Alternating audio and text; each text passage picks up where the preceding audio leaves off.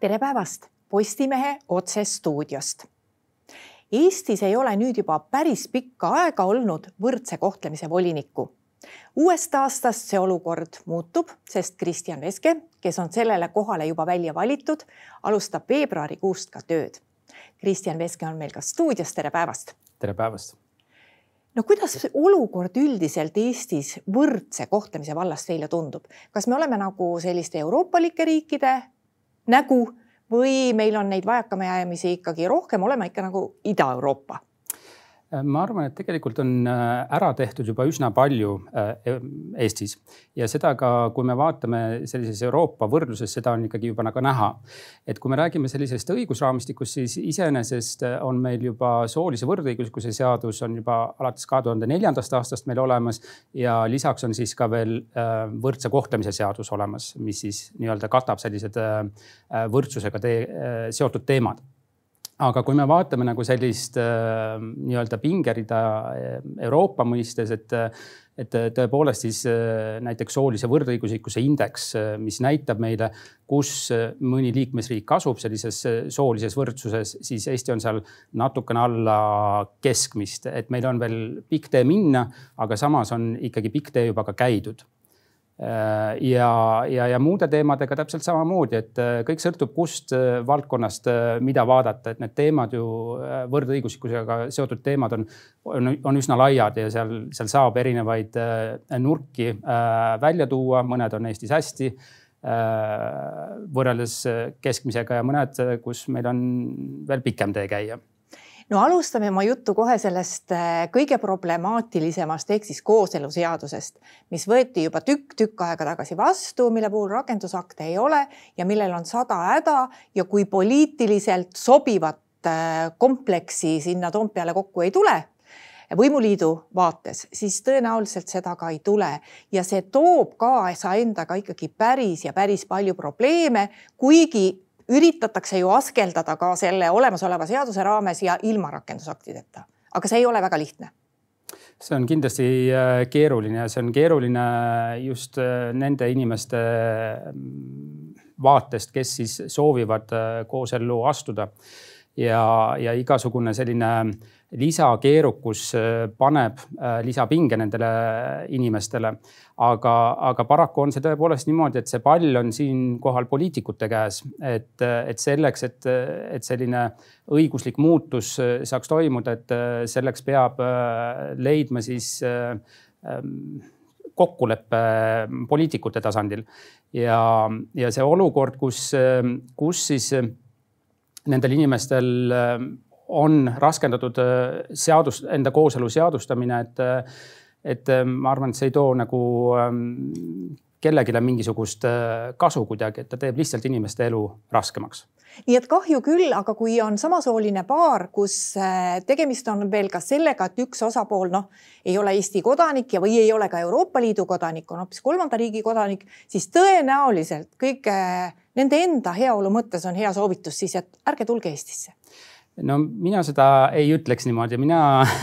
ma ikkagi olen äh, positiivselt meelestatud ja ma arvan, et, äh, et Eestis äh, elada on ikkagi inimestel lõppkokkuvõttes hea.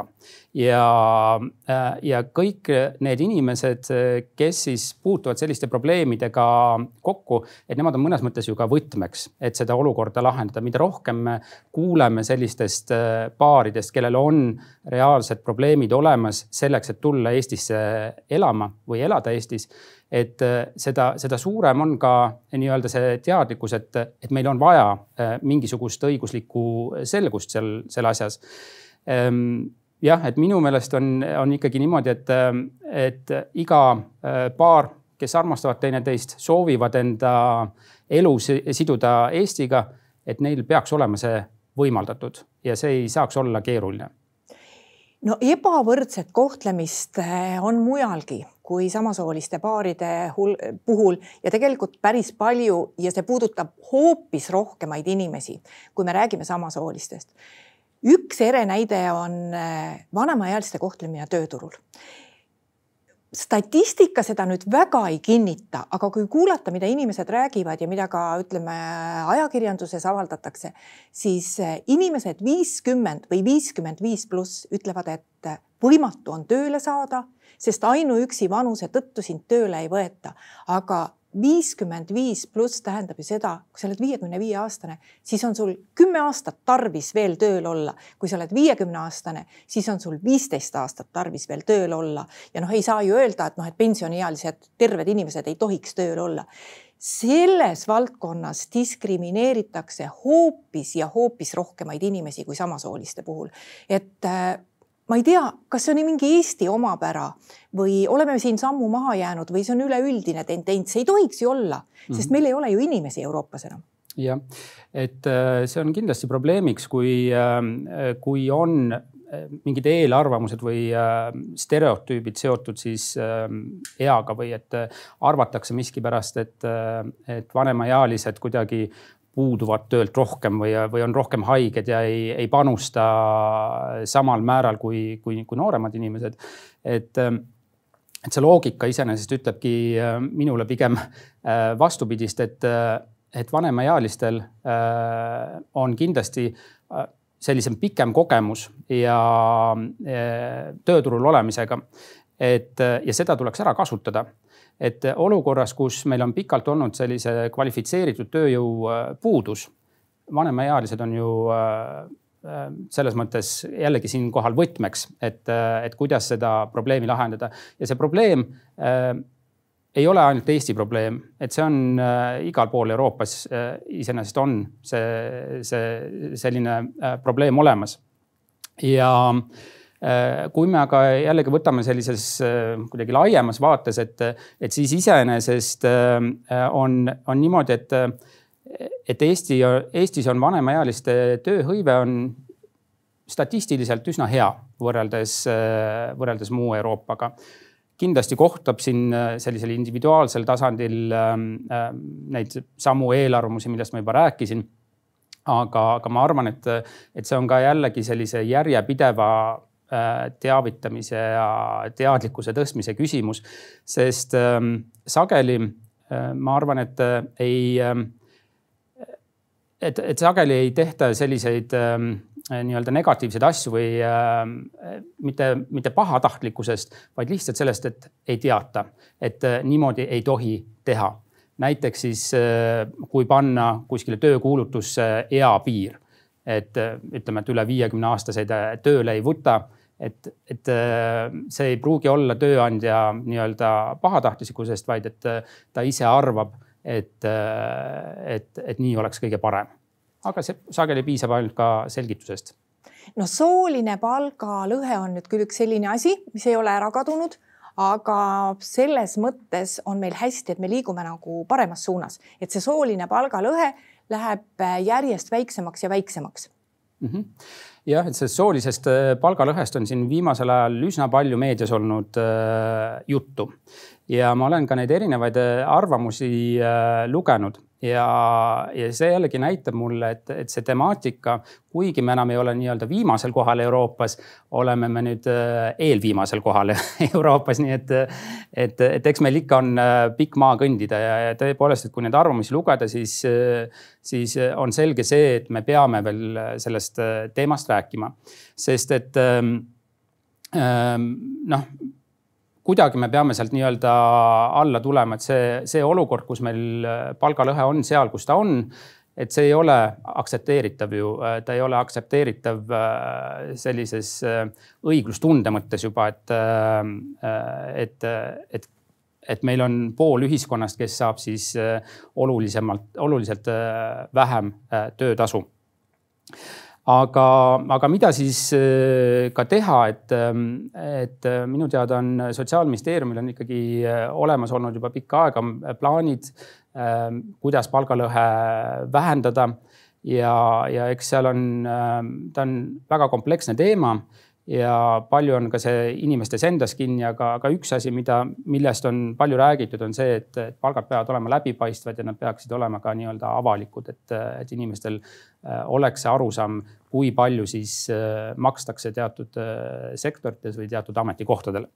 no loodetavasti hakkab Eestis uue põlvkonna pealetulekuga kaduma ka ära see arusaam, et noh, et mees on perekonna pea ja ta peabki rohkem teenima, sest muidu on peres kõik pahasti. et uuem põlvkond, noor põlvkond ilmselt niimoodi enam ei mõtle. Ja et ähm, ma arvan, et seda tunnetab ju iseenesest iga perekond. Et kui sul on kaks sissetulekut, kaks head sissetulekut, see on parem, kui sul on üks sissetulek või üks ja pool sissetulekut. et ähm, sellises olukorras, kus, kus me oleme, sellises majanduslikus olukorras, kus peredel on üldiselt raske toime tulla, siis on iga äh, nii-öelda teenitud euro on äh, suure väärtusega ja, ja seetõttu see peaks olema veel kord motivaatoriks, et see, need palgad oleksid äh, õiglased ja kedagi äh, halvemini ei koheldaks mis nipiga saaks Eestis äh, naisi rohkem juhtivatele kohtadele, sest selles vallas ei taha elu ikkagi üldse edeneda. noh, ja kas me vaatame poliitikuid, et me vaatame Riigikogu saali, meil on uued valimised kohe tulemas, on erakondi, kes ütlevad, et noh, nad teevad need triibulised nimekirjad, et oleks nii mehe, mehi kui naisi, aga tulemus, mis meilt sealt äh, Riigikogu lossist äh, või Toompea lossist vastu vaatab, on ikkagi hästi-hästi maskuliinne, mis on ühelt poolt kindlasti ka ikkagi seotud selliste väga vanade arusaamadega mm. -hmm jah, et äh, ühest küljest ma täiesti nõustun äh, sellega, mis te just rääkisite, teisest küljest loomulikult on toimunud äh, mingisugused märgilised muutused, et, et, et oli periood, kus meil oli, eks ju, peaminister ja president olid mõlemad naised, et need on, see, see, see oli märgiline nii Eesti jaoks ja ma arvan ka ta oli selline väga nähtav muutus üldse Euroopa vaates ka, et seda ikkagi üle-euroopalises meedias võis ka selle kohta lugeda. Aga, aga mida siis teha, et, ähm, äh, et loomulikult, et, ähm, et üks, äh, kuidas, üks viis, kuidas siis asju kiirelt muuta, on see, äh, see sõna, mis sageli võib-olla Eesti kontekstis ähm, peetakse seda natukene negatiivseks, on kvoodid. Ehk siis sookvoodid ja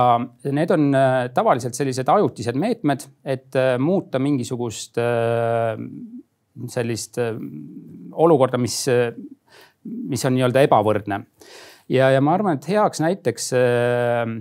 võiksin tuua Itaalia, kus äh, võeti vastu kahe tuhande üheteistkümnendal ja kahe tuhande seitsmeteistkümnendal aastal olid sookvoodid ja nüüd, kui me vaatame Äh, seda, kus Itaalia paiknes äh, varem erinevates sellist võrdsust äh, mõõtvates indeksites ja kus ta praegu paistab praegu, et seal on toimunud selline suur hüpe. ehk siis naised on tulnud rohkem poliitikasse seal ja, ja, ja tegutsevad seal tunduvalt rohkem kui varem. Aga loomulikult on oluline ka ikkagi mõelda selle peale, et, et pelgalt ainult naiste ole, olemasolu siis äh, poliitikas, et see ei taga samas äh, äh, alati selliseid äh, poliitikaid, mis edendavad võrdõiguslikkust, et, äh, et, et seda ei saa nii-öelda üks-ühele äh, üle kanda. aga, aga teisalt jällegi on see, et naisi oleks rohkem poliitikas, et see on oluline sellise demokraatia printsiipide põhimõttest lähtuvalt ja, ja, ja, ja et ta võiks olla ka siis ikkagi äh, et äh, üks selline eneseteostusvorme ka naistele, mida, kus nad kaaluvad sellist karjääri ka rohkem. et jah, Eesti poliitika on kindlasti äh, äh, olnud väga pikalt meestekeskne ja, ja, ja, ja ma loodan ise, et, et see äh, murre, mis meil nüüd on viimasel ajal toimunud, et, et see on alles alguseks, et, et meil muutub see pilt rohkem mitmekesisemaks ka? vot see on üks äh, huvitav küsimus, et seda peaks nagu kuidagi kvootidega tagant turgutama. et äh, kõik ju teavad, et ühiskonnas on tohutu juhtide puudus ja ei maksa ju arvata, et, et noh, et meestel on nagu ajupotentsiaal suurem kui naistel mm. -hmm. et kui sa jätad sealt juhtide valikust lihtsalt pool ühiskonda kõrvale, siis sinu valikuvõimalused on hoopis väiksemad. see peaks ju tarkade inimeste jaoks olema argument. jah kindlasti ja kui nüüd tulla jällegi sellisele Euroopa Liidu äh, tasandile, et siis alles eelmisel kuul iseenesest äh, võeti vastu siis selline raamistik, äh, mille siis liikmesriigid peavad üle võtma, et. ja see raamistik peaks siis tagama, et meil mõne aasta pärast, siis aastaks kaks tuhat kakskümmend kuus on börsil noteeritud äriettevõtete või äriühingute nõukogudes peab olema seal juhtorgani liikmete seas Äh, peab olema vähemalt nelikümmend protsenti alaesindatud soo esindajad ehk siis lihtsamalt öeldes, need on sookvoodid, eks ju. ja et ähm, jällegi nagu ennist siin tõin Itaalia näite, et, et sellistes see kvoodi näited on ju olemas erinevates riikides, on tehtud seda palju ja väga edukates riikides ja, ja ja, ja ma ei näe nagu mingit põhjust, miks või et ei ole kuulnud nii-öelda, et sellel oleks mingisugune väga negatiivne tagajärg olnud me räägime nüüd, et me liiga palju ei räägiks naistest, siis tegelikult ebavõrdset kohtlemist ju mehed täpselt samamoodi kogevad. Milles see kõige rohkem teie hinnangul väljendub mm? -hmm. et kindlasti üks asi on ebavõrdne kohtlemine, mida mehed kogevad, aga, aga teine on ka sellised ühiskondlikud hoiakud, mis panevad mehi tegema mingisuguseid äh, asju, mis võib-olla ei ole kõige paremad nende jaoks. aga kui me räägime ebavõrdsetest äh,, ebavõrdsest kohtlemisest, siis äh, noh, palju on kui varem on räägitud äh, näiteks sellisest soopõhisest hinnastamisest, et äh, ööklubides on äh, piletid on näiteks meestel olemas, aga naistel ei ole või, või on teatud äh, mingid kampaaniad, mis on äh, suunatud siis ainult naistele, et, äh, et noh igasugune selline, sellised asjad, et, et need viitavad siis sellisele ebavõrdsele kohtlemisele.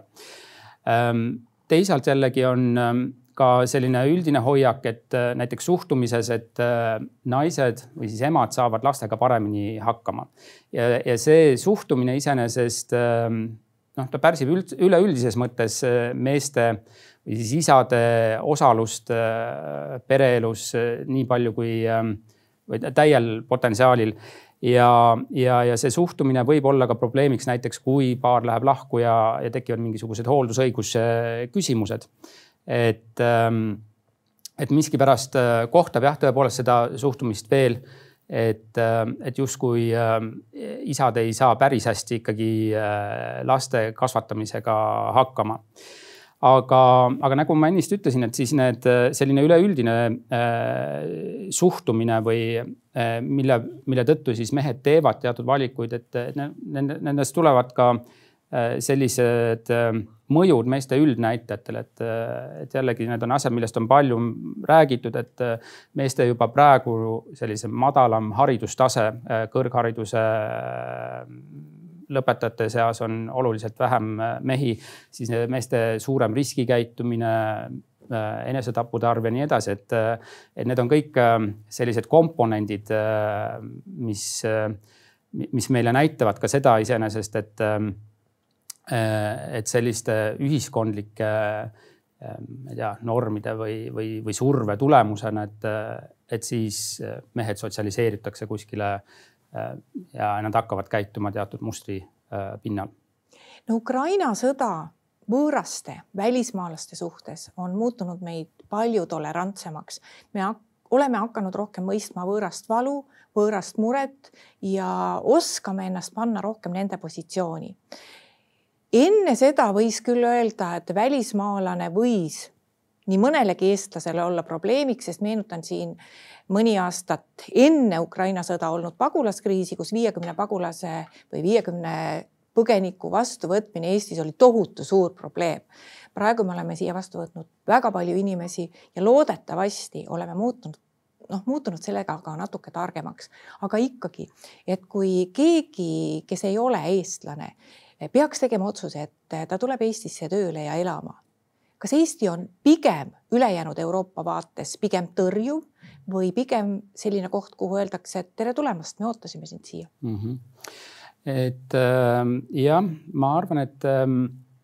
et seda, et Eestis oleks laialdaselt levinud äh, võõra viha sellises klassikalises tähenduses, et, äh, et seda ei, ei saa nagu öelda ähm, et te mainisite just nimelt, et Ukraina äh, sõjapõgenikud ja, ja et kuidas see on Eesti inimesi rohkem nii-öelda empaatiavõimet äh, nii-öelda suurendanud, et, äh, et jah, et see on, seda tõepoolest on, on näha ju, et Eesti inimesed on soojalt Ukraina inimesi vastu võtnud ja, ja, ja selline vabatahtlik abistamine on, on üks märk sellest aga tõrjumist võib siiski ähm, kohata sellistes eraõiguslikes äh, suhetes, et näiteks ei olda valmis ähm, Ukraina perekonnale enda korterit välja üürima või et äh, äh, aga, aga sellisel puhul võiks eeldada ka, et tegu ei ole mitte võõravihaga, aga, aga pigem sellises umbusus, et kas, kas siis see perekond või, või need inimesed suudavad üüri maksta ja, ja nii edasi küll aga ma tooksin eraldi võib-olla välja sellist nahavärvi pärast halvemini kohtlemist. et ähm, seda ma olen ise mitmel korral või sellele ma olen tunnistajaks olnud sellises avalikus äh, sfääris siin, siin Tallinnas ja peab ütlema, et see on tõesti ääretult, ääretult piinlik olnud. Äh, selle, selle tunnistajaks või selle, selle pealtnägemine ja kuulmine.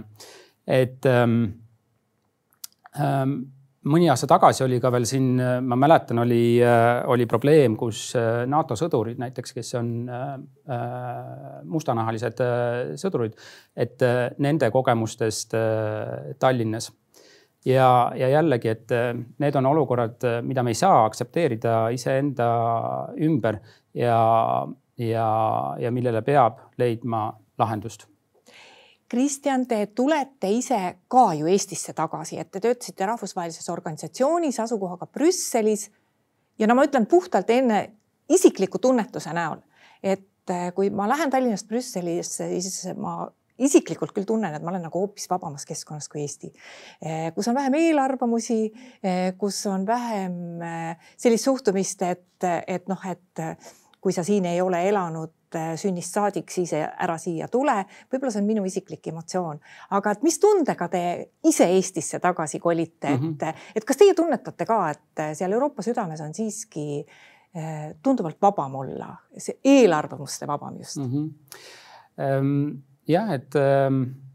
kindlasti on äh, Brüsselis mõnes mõttes on see nii, et, et seal tundub see olukord, et sa, sa oled äh, rohkem vabamas äh, ühiskonnas. aga, aga teisalt äh, ei saa salata, et seal on omajagu palju suuri probleeme, mida, mida sealsed võimud ka ei suuda päris hästi ära lahendada et kui me vaatame näiteks ringi Brüsseli tänavatel, et, et noh, me näeme seal väga palju kodutuid inimesi, me näeme seal äh, inimesi, kes kerjavad, eks ju. ja, ja ja need on, need on, ühesõnaga seal eksisteerivad äh, sellised suured probleemid. et kui mina tulen Eestisse tagasi, siis äh, mina tunnen jällegi teistmoodi, et ma tulen koju tagasi, et mul on siin hea olla, et ma tulen tagasi nii-öelda enda perekonna juurde ja, ja enda sõprade juurde. Ja mulle äh,